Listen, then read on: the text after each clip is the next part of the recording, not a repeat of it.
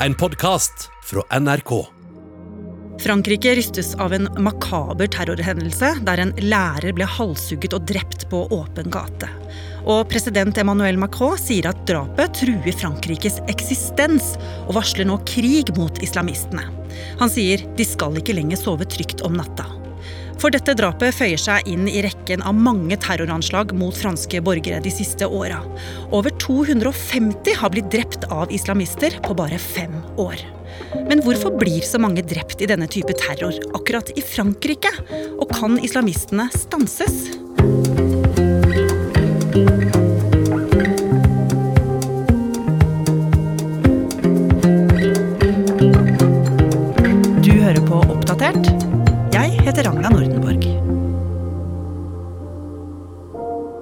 Dette brutale drapet på læreren Samuel Paty sjokkerer Frankrike.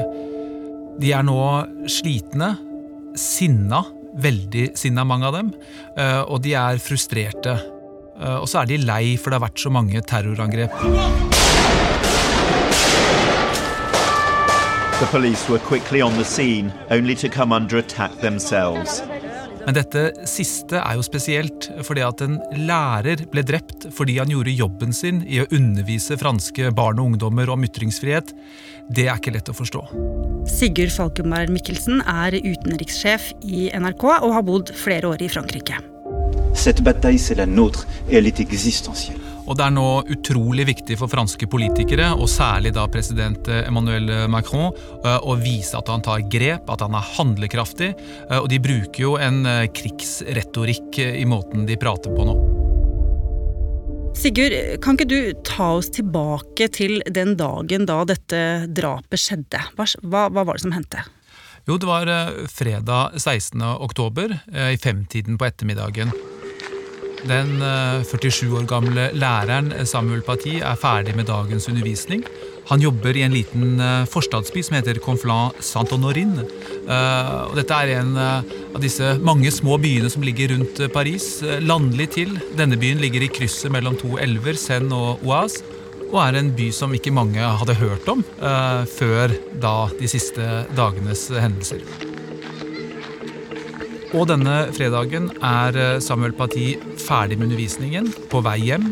Han skal hjem eh, til sin eh, kone og sin fem år gamle sønn, som bor i byen sammen med ham. Men på veien hjem så skjer det noe. Han blir angrepet, han blir knivstukket og skåret strupen over på.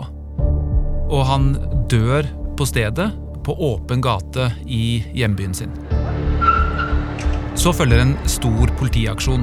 Eh, Fransk politi eh, mobiliserer raskt. De er i området, finner det de tror er gjerningsmannen, som har en softgun.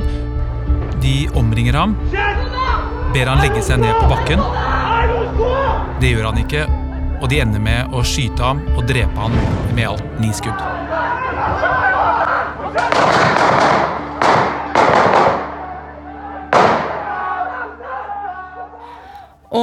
Én person halshugget og den andre skutt av dem sjøl, så lurer vel politiet på hva det er som har skjedd her.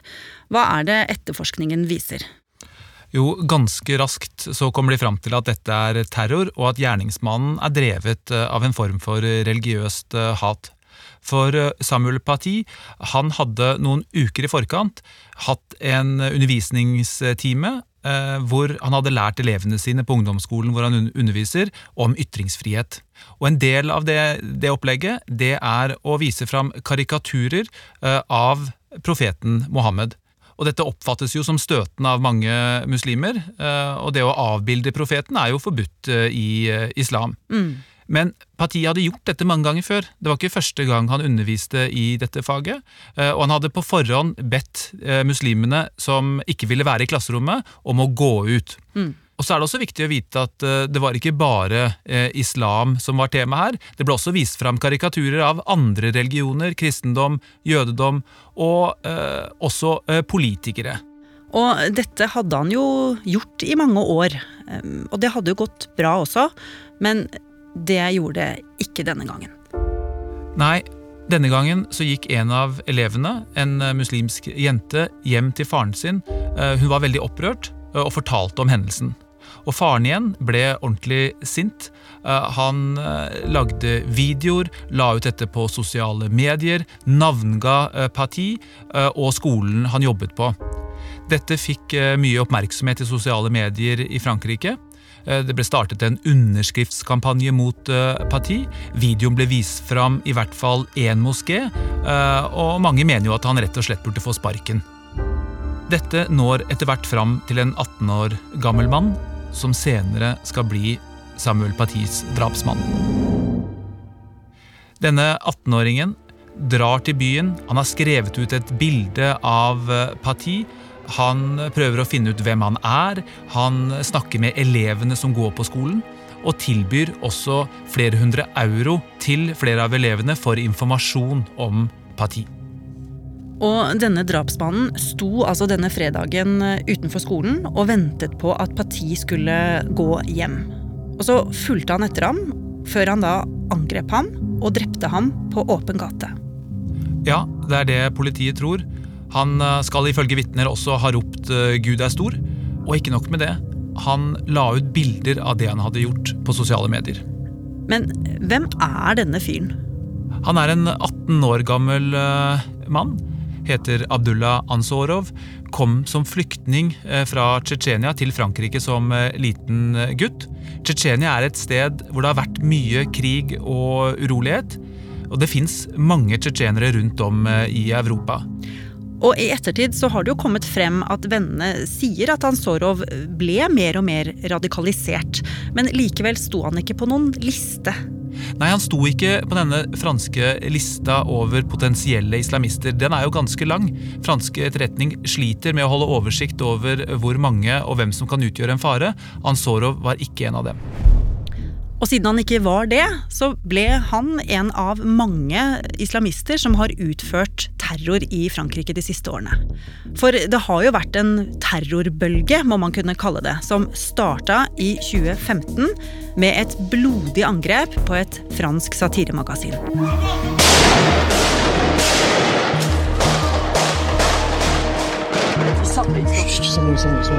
By the time they'd stopped, at least 12 people were dead. Many others were seriously injured. Og her hører vi jo lyden fra angrepet mot Charlie Hebdo for fem år siden, der væpnede islamister storma lokalene til denne satireavisa og drepte tolv stykker, også karikaturtegnere. Jeg husker den eh, dagen og disse hendelsene utrolig eh, godt, eh, etter å ha bodd så mange år i Paris.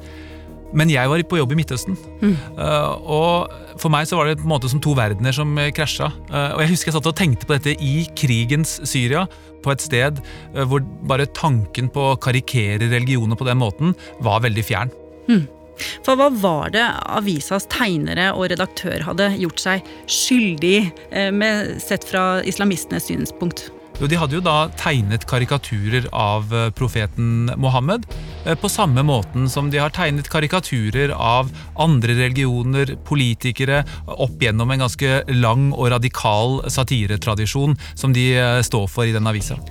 Og ikke lenge etterpå kom det jo en rekke terrorangrep mot det franske samfunnet. 2015 var et forferdelig år for Frankrike, og det endte jo med et enda større angrep i november. I et eh, kjent konsertlokale eh, gikk bevæpnede islamister til angrep, skjøt vilt rundt seg. Stappfull konsertsal, et amerikansk rockeband på scenen. Det varte i eh, timevis. Og samtidig var det også flere angrep rundt om i byen. 130 mennesker ble drept i Paris den natten. Det er et av de aller verste angrepene i Paris i fredstid. Dette har jo bare fortsatt, Sigurd. Til sammen så har 250 mennesker blitt drept i 22 terrorangrep utført av muslimske ekstremister i Frankrike de siste fem årene. Men Sigurd, hvorfor skjer dette så ofte i Frankrike? Det har jo ikke vært et land vi har forbundet med ekstremisme og terror, sånn historisk sett. Det man må forstå med Frankrike, er at det er et skarpt skille mellom religion og politikk. Det var f.eks. Uh, veldig mye debatt uh, for noen år siden om uh, bruk av religiøse plagg på skolen. Det ble forbudt. Dvs. si at man kan ikke gå med store kors, gå med kippa, som noen jøder bruker, eller med hijab. Og det var nok særlig mange muslimer som tolket det som et forbud eller et inngripen mot dem. Og så er det sånn at uh, tradisjonelt ikke er religionsundervisning på skolen. Uh, det er noe man driver med utenfor uh, skolen. Så Frankrike er en sekulær stat, altså ikke-religiøs stat. Og det er viktig for veldig mange franskmenn at den fortsetter å være slik i framtida også. Ja, religion skal ikke inn i den offentlige sfære. Eh, dette er en kamp som franskmenn har kjempet i hundrevis av år, men først og fremst mot den katolske kirken, og som nå på en eller annen måte kommer i retur, men da med en annen religion. Samtidig så har vi fått et internasjonalt eh, fenomen med Al Qaida, IS og globale islamistiske terrororganisasjoner som blander seg inn i denne interne konflikten og problemene i Frankrike. Så da har vi jo et land med en stor muslimsk befolkning som kjenner på, kanskje daglig, at de bor i en stat som ikke respekterer deres syn på religion, og hvilke lover og regler man må forholde seg til. F.eks. ikke spotte profeten Mohammed. Ja, og uh, dette, uh, denne splittelsen, i kombinasjon med alt som har skjedd internasjonalt, og alle de sosiale utfordringene i Frankrike har, har jo gjort at det har vært grobunn for uh, terrorisme i landet. Og hvordan er det franske myndigheter har forsøkt å håndtere dette? De har jo først og fremst måttet gjøre et voldsomt etterretnings- og politiarbeid. Fordi en stats Eh, oppgave er jo å passe på innbyggerne sine. Og når ikke de klarer det, så har de et uh, kjempeproblem. Så de har jo gått inn i disse miljøene, de har brukt uh, kontaktene sine, og de har etterforsket og satt mange i fengsel. Og de har klart å forhindre mange angrep. Over 30 angrep er det siste tallet jeg har hørt. og kanskje, kanskje, enda flere også. Og så har det jo også internasjonalt vært viktig for Frankrike å gå så hardt inn i kampen mot IS i Syria og Irak, hvor mange franskmenn var involvert og som også fungerte delvis som en organisator for noen av angrepene. In a video released by ISIS just days ago, a French jihadi in Syria issued a chilling order. Explosez la France, réduisez la, la France en miettes. Blow up France and tear it down to pieces, he said. Que ce soit avec une pierre. Do it with a stone or a knife or whatever you can get your hands on. Og nå i disse dager, altså midt oppi dette siste terrorangrepet, så kommer det fram at myndighetene planlegger å innføre enda sterkere tiltak for å hindre religiøs ekstremisme. Ja, Macron var allerede inne på det sporet før uh, dette terrorangrepet, og nå strammer de enda mer uh, til. Uh, de vil bl.a. hindre at folk får religiøs opplæring hjemme. de vil stenge flere religiøse organisasjoner og ha mye strengere kontroll med dem. Og de vil utvise mange utenlandske statsborgere som de mener er en terrortrussel. Og Macron skal ha sagt i et regjeringsmøte at nå skal frykten skifte side. Men er dette den beste strategien? Altså, Med disse tiltakene så vil jo skruen strammes ytterligere til. Eh, vil ikke folk bare bli enda mer forbanna på landet de bor i? Jo, jeg tror det ligger en eh, fare der. Eh, samtidig så tror jeg ikke Macron har så mye valg. Macron og den franske regjeringen definerer jo dette nå som en trussel om den franske stats eksistens. Det er på det nivået vi er. Og De ønsker jo da å beskytte ytringsfriheten og skape den tryggheten franske borgere trenger for å kunne bruke ytringsfriheten. Og Her kommer jo lærerne og skolene inn. Eh, de er utrolig viktige eh, i Frankrike eh, for at republikkens idealer om ytringsfrihet, den sekulære stat og alle opplysningstidens idealer skal kunne virke også i dagens samfunn. Og da er det jo kanskje ikke så rart da at Samuel Paty fikk en gedigen, storslått begravelse i Frankrike. Ja, det var jo nesten en eh, statsbegravelse eh, på Sorbonne-universitetet. Sorbonne, eh, som ligger jo i det gamle latinekvarteret like ved Luxembourgparken. Eh, og der var jo hele det offisielle Frankrike, eh, politikere, eh, funksjonærer, statsledere, familien hans, og snakket også om betydningen av skolen og betydningen av læreren, og hvor viktig de er for Frankrike. Sigurd, nå helt til slutt. La oss gå tilbake til utgangspunktet for at vi snakker sammen med deg i dag. Dette er jo en kriminalsak. Samuel Paty ble jo drept. Hvor står egentlig saken nå? Hva vet du om hvor langt politiet er kommet i etterforskningen? Det fransk politi prøver å finne ut av nå, er jo hvem som sto bak, og hvordan han kom så langt eh, som å begå dette drapet. Hvem hjalp han? Eh, sto han helt alene? Hvem hadde han kontakt med? Eh, og flere ble arrestert ganske raskt etter drapet. Noen av de er løslatte, men f.eks. er faren til denne jenta som går i klassen, som først satte i gang dette, fortsatt fengslet det skal bl.a. ha vært noen WhatsApp-meldingsutvekslinger eh, mellom eh, gjerningsmannen og denne faren.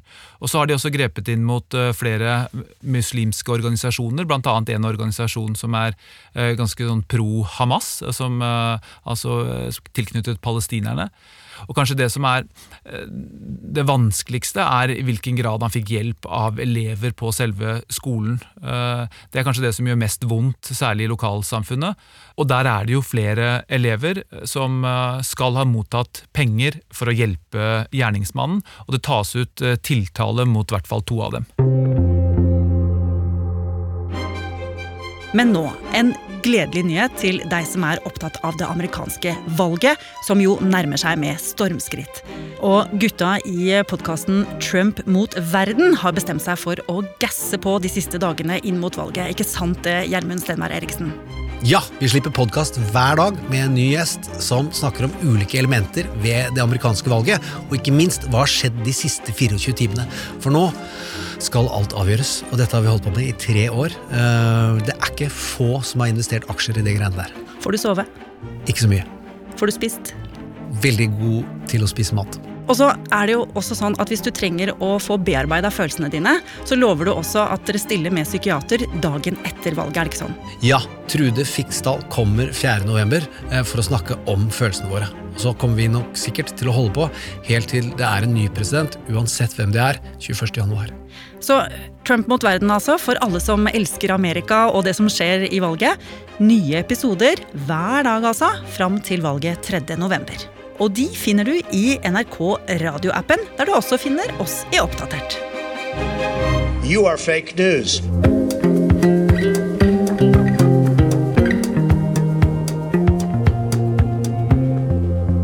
Har du lyst til å bli fast lytter av oss i Oppdatert og få påminnelse om nye episoder, er det bare å trykke på abonner-knappen. Og så er det veldig hyggelig hvis du vil anbefale oss til en venn. Oppdatert er en podkast fra NRK Nyheter, og vi som jobber her, er Ida Tune Øretsland, Andreas Berge, Ina Emily Swann, Ole Andreas Låke Klevan, Petter Sommer og jeg, Ragna Nordenborg. Vil du kontakte oss, gjør gjerne det på oppdatert alfakrøll nrk.no. Du har hørt en podkast fra NRK. Hør flere podkaster og din favorittkanal i appen NRK Radio.